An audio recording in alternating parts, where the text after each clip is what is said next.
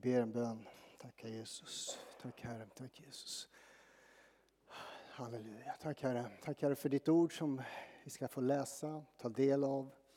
Tack för det du vill säga Herre. Vi ber dig helige Ande att hjälp mig skildra dig på ett rätt sätt Herre. På det fantastiska sätt så som du verkligen är Herre. Tack Jesus. Tack för församling som är samlad som samlas för att höra ditt ord, lyssna på ditt ord och verkligen vilja att du talar in i våra liv, Herre. Tack att du är här, Herre. Amen. Amen.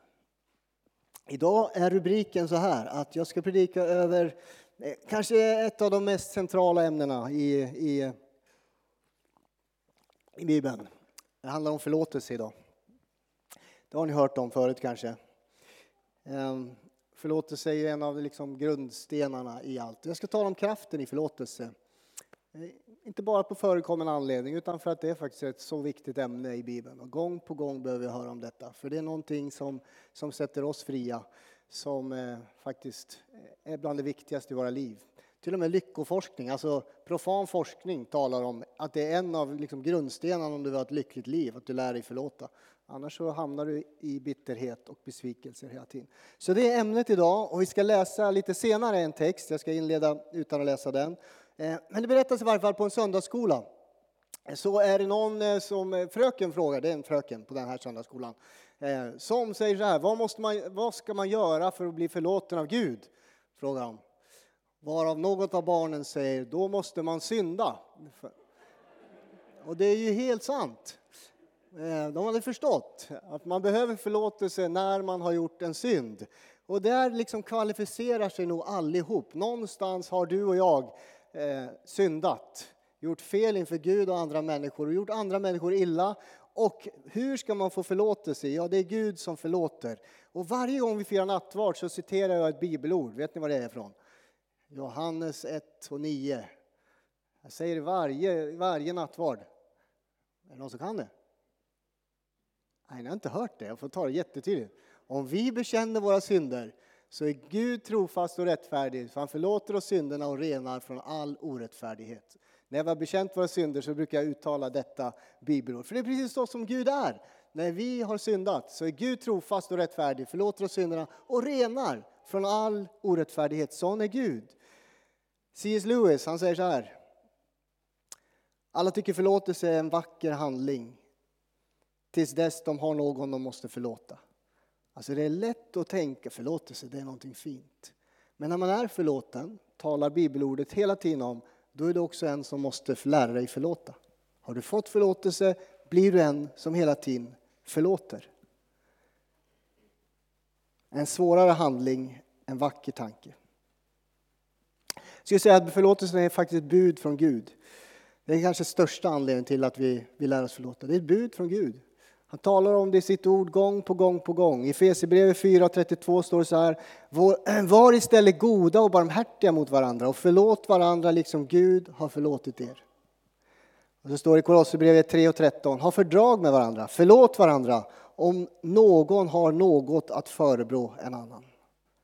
Alltså ordet är fullt av dessa uppmaningar från Gud. Förlåtna människor bör vara förlåtande. Vi kan välja. Du kan välja att låta tankar av ilska, av hat, av oförlåtelse snurra i skallen hela tiden. Jag hamnar där ibland. Det snurrar i huvudet hela tiden. Jag kan inte släppa taget. Men förlåtelse innebär att släppa taget. Det innebär att det här måste lämna mig. Jag släpper det. Att gå igenom en händelse gång på gång på gång, ord som har blivit sagda, det sårar mer och mer och mer och fastnar djupare. Jag måste släppa taget. Sån är förlåtelsen. Annars byggs bitterheten upp. Vad betyder att förlåta? Det är inte att godkänna synd eller att någon har gjort någonting mot dig. Det är inte att godkänna. Det är inte att godkänna eller släta över någons sårande beteende. Det är inte ens alltid försoning faktiskt. I Guds fall är det ju det. Om vi bekänner våra synder så blir vi försonade med Gud. Men det är inte alltid att det sker försoning mellan människor. Men förlåtelse behövs ändå. Och det är inte liksom slätar över det som har hänt. Förlåtelsen betyder helt enkelt att jag avsäger mig rätten att få ge igen. Någon har gjort mig illa, men jag tänker inte betala tillbaka med samma mynt. Jag avsäger mig dig den rätten att få ge igen. Romarbrevet 12 och 19 står det så här. Hämnas inte mina älskade, utan lämna rum för vredesdomen. Och så står det, det står skrivet, min är hämnden, jag utkräver den. Alltså det är Gud som utkräver hämnden. Någonstans skipar rättvisa till sist. Jag behöver liksom avsäga mig rätten att få ge igen. Det finns flera betydelser i Bibeln Ursäkta, för förlåtelse. Jag måste ta vatten. Jag är rosslig i halsen. Jag åkte skidor igår, såklart. Och då blir man lite torr. Det står skrivet, ja, ah, där var jag. Det finns flera betydelser för förlåtelsen. En av de vanligaste betydelserna ska jag säga är att liksom, det betyder att jag släpper någonting fritt. Jag släpper någon fri. Jag släpper det helt enkelt. Någon har sagt så här. Den första att ta initiativet till att be om förlåtelse är den som har mod. Den första att förlåta, det är den som är stark. Och den första att glömma, det är den som är lycklig. Du är modig, du är stark, men när du väl har glömt, då kommer glädjen tillbaks. Det är sant, förlåtelse är så viktigt om du vill känna, känna glädje i ditt liv. I Bibeln finns en av de vackraste berättelserna, skulle jag säga. Det finns massa berättelser om förlåtelser, men det finns en fantastisk berättelse. Ja, det är klart, det finns två. En som jag, det är ju korset såklart, det är ju den vackraste berättelsen. När de liksom spikar Jesus, det är ju helt otroligt vad han gör för oss. De spikar i honom, de piskar honom, slår honom och så säger han sju ord på korset och ett av de orden är Fader förlåt dem, för de vet inte vad de gör. Det är förlåtelsens kraft. Men så finns det en annan berättelse i Gamla Testamentet jag tänkte dra den med er. Och ni har hört den en del av er, men jag tänker ändå gå in i den. Därför att här ser jag förlåtelsens kraft och den handlar om Josef. Vi ska gå igenom Josefs liv. Ni har hört om detta. Det här var lite om en inledning, det läser vi. Det var en lång inledning till en kortare predikan. Så vi går till första Mosebok och så läser vi där i kapitel 45. Har man Bibeln med så är det roligare. Har man ingen bibel så står det där på skärmen, kanske. Första Mosebok kapitel 45. Vers 1 börjar jag. Står det så här. Josef ger sig till känna. Då kunde Josef inte behärska sig längre inför alla dem som stod omkring honom. Han ropade Gå ut härifrån alla till sina tjänare som han hade. Ingen fick stanna inne hos Josef när han gav sig till känna för sina bröder. Han började gråta så högt att egyptierna hörde det och faraos husfolk hörde det också. Och Josef sa till sina bröder, jag är Josef, lever faren? Men hans bröder kunde inte svara, så förskräckta blev de för honom. Då sa Josef till dem, kom hit till mig. Kom hit, till, han var nog snällare, det var lätt väldigt arg. Kom hit till mig. När de kom fram sa han, jag är er bror Josef som ni sålde till Egypten. Men var inte bedrövade och sörj inte över att ni sålde mig hit. Det var för att bevara liv som Gud sände mig hit för er. I två år har, jag nu, har det nu varit hungersnöd i landet och det återstår fem år då man varken ska plöja eller skörda. Men Gud sände mig hit före er för att ni skulle få bli kvar på jorden och för att han skulle hålla er vid liv till en stor räddning. Det är alltså inte ni som sänt mig hit utan Gud. Jag stannar där. Ska gå igenom Josefs liv lite grann. Ni vet Josef, han är, han är född i en stor syskonskara. Jakob heter hans pappa, Rakel heter hans mamma. Och Josef han är favoritsonen. Han är favoritsonen. De andra sönerna de är ute och arbetar och Josef han går där hemma i en snygg klänning eller dress eller vad han får. Han får någon form av klädnad av sin far. Han går runt där och känner sig lite mer privilegierad och lite bättre, lite högre. Han till och med drömmer drömmar om att hans bröder ska böja sig inför honom. Att hans bröder ska liksom eh, upphöja honom och stå under honom. Jag tänker att det skapar en viss irritation hos brorsorna, tydligen. Sen tycker jag att de går lite väl långt. Alltså de tar det lite, ett steg längre än vad jag skulle ha gjort i en syskonskara kanske. Men de, de ser ju Josef komma gående där och så tänker de, vi kastar honom i en brunn, vi tar död på honom i stort sett. Men de väljer att sälja honom. De säljer honom till slav, fruktansvärt, slavhandel. Säljer honom till slav mot Egypten. Och så går de hem och ljuger för sin far Jakob. Och Josef, okej, okay, inte Han blir lite väl illa behandlad. Okej, han kanske, de kanske hade behövt säga ifrån, men han blir lite väl illa behandlad. Men de säljer honom till slav och så hamnar han hos Potifar. Och i Potifars hus, Potifar är ju den som, som styr eh, eh armén i, i, eh, i faraos tjänst. Liksom. Han är en hög tjänsteman inom, eh, åt farao.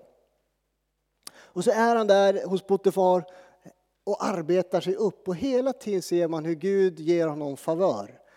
Trots att han är orättvis såld, behandlad av sina bröder, hamnar hos Potifar. Alltid orättvisa drabbar Josef, hela tiden. Han har saker som säkert växer in honom. Ändå får han vara favör av Gud och får inflytande var han än befinner sig, även hos Potifar. Blir han den högsta av tjänarna. Och sen kan han inte rå för att han också är snygg och vältränad och vacker att se på. Det står att han är snygg och stilig och ståtlig. Och Potifars hustru börjar ropa efter honom, ligg med mig. Men Josef har karaktär. Självbehärskning, karaktär. Han står emot alla dessa eh, inviter från henne. Och till sist när han, hon liksom inte, han inte går med på det så blir han oskyldigt anklagad.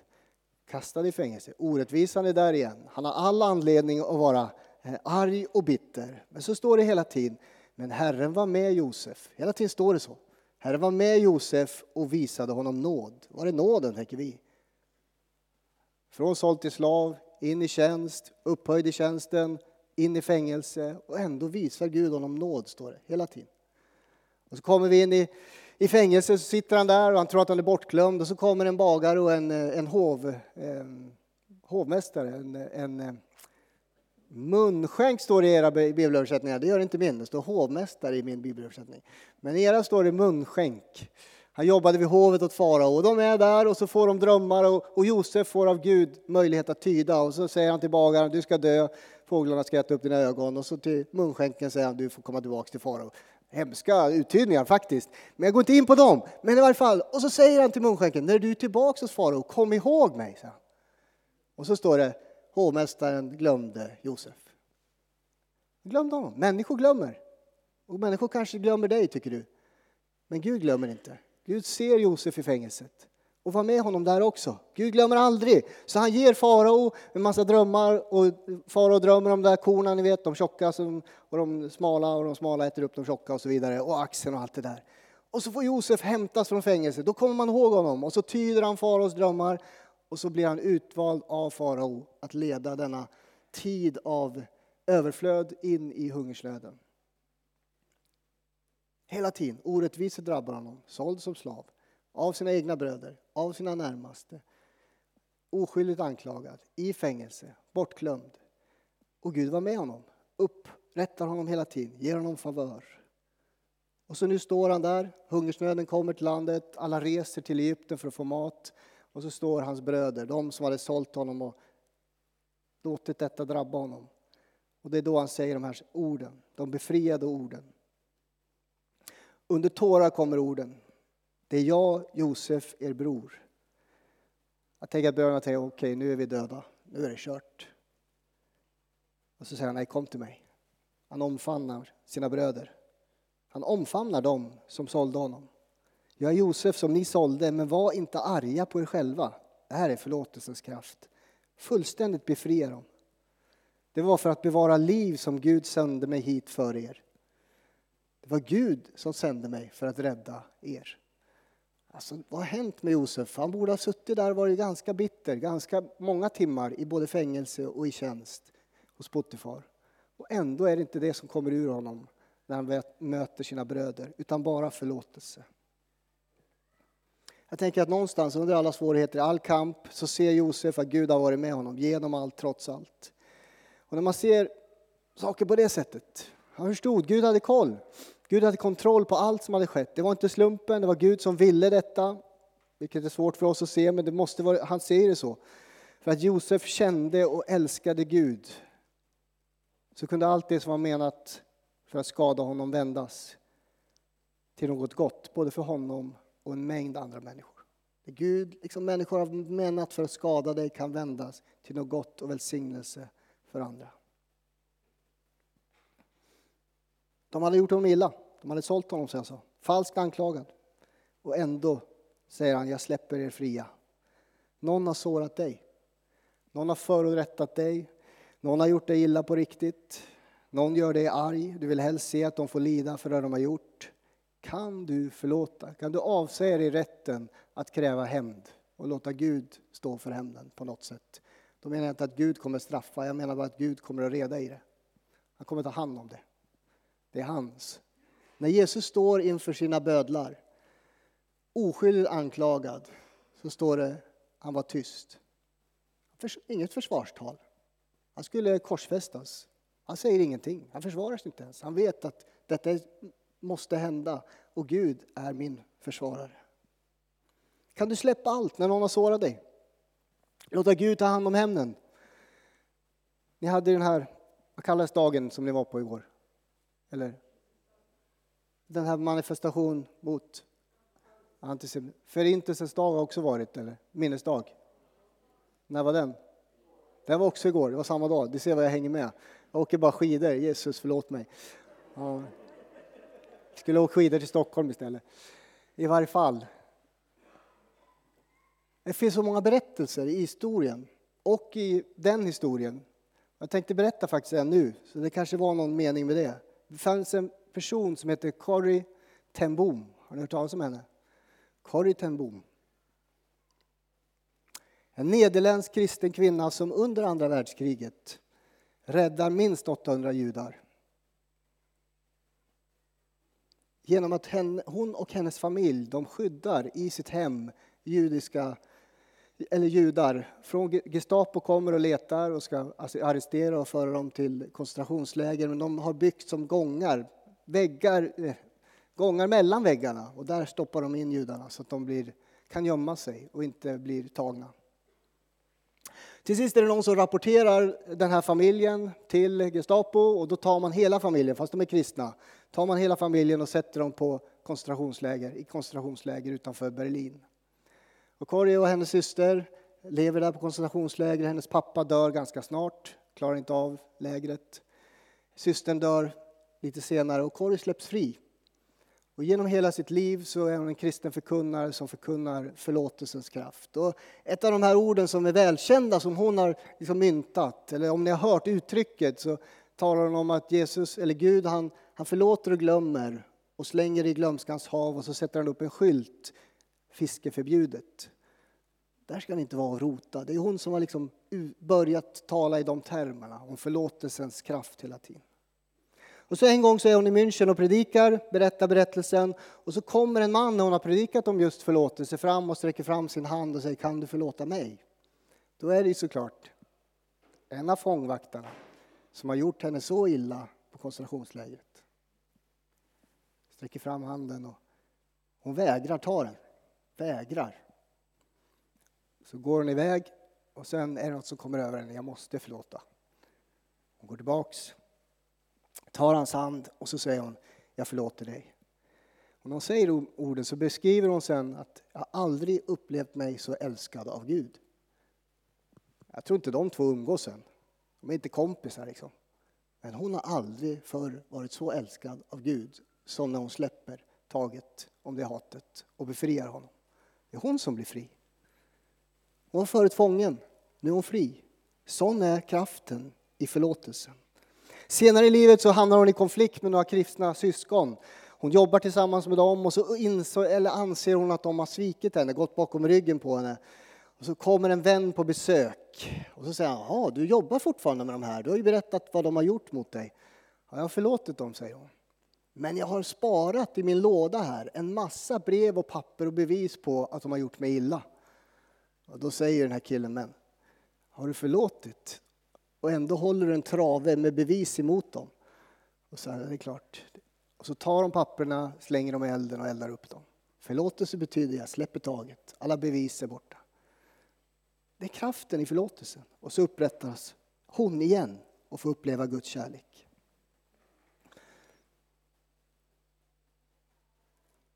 Förlåtelse är inget känslobeslut ska jag säga. Det är att agera på en inre vilja att förlåta för att sätta fången fri och oftast är det den som lever med oförlåtelse som är fången. Jag har haft människor som har gjort saker mot mig och så har jag kanske tagit upp det några år senare och de kommer inte ens ihåg händelsen. Kommer inte ens ihåg det. Det är jag som har varit fånge. Det är jag som har mått dåligt i bitterhet, besvikelse. De kommer inte ihåg. Var det, var det så det var? Har jag säkert gjort saker, kanske mot er, mot andra. Och du bär på de här såren fortfarande. Och så kommer inte jag ihåg det. Men du har ont. Alltså förlåtelsen befriar hela tiden när du kan förlåta. Den vackraste bilden av förlåtelse är ändå Jesus på korset. Som jag sa, han hänger där och så säger han Fader förlåt dem, de vet inte vad de gör. Förtjänar de romerska soldaterna förlåtelse? Nej. Förtjänar de religiösa ledarna förlåtelse? Nej. Men han ger ändå förlåtelse, för sån är Gud. Han älskar oss, han vill förlåta oss. Och när du är förlåten så utmanar oss att bli en som förlåter. Kanske känner du just nu att det är en mur mellan dig och Gud. Just nu sitter du och har en mur mellan dig och Gud. Det kan vara så att du antingen behöver bli förlåten eller förlåta någon för att vägen ska bli öppen igen. Det kan vara så. För att Gud ska komma nära igen.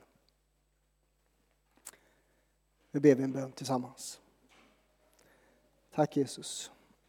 Tack för ditt ord. Tack för berättelsen om Josef. Tack att den får lära oss något. Jag vet att det här är svårt.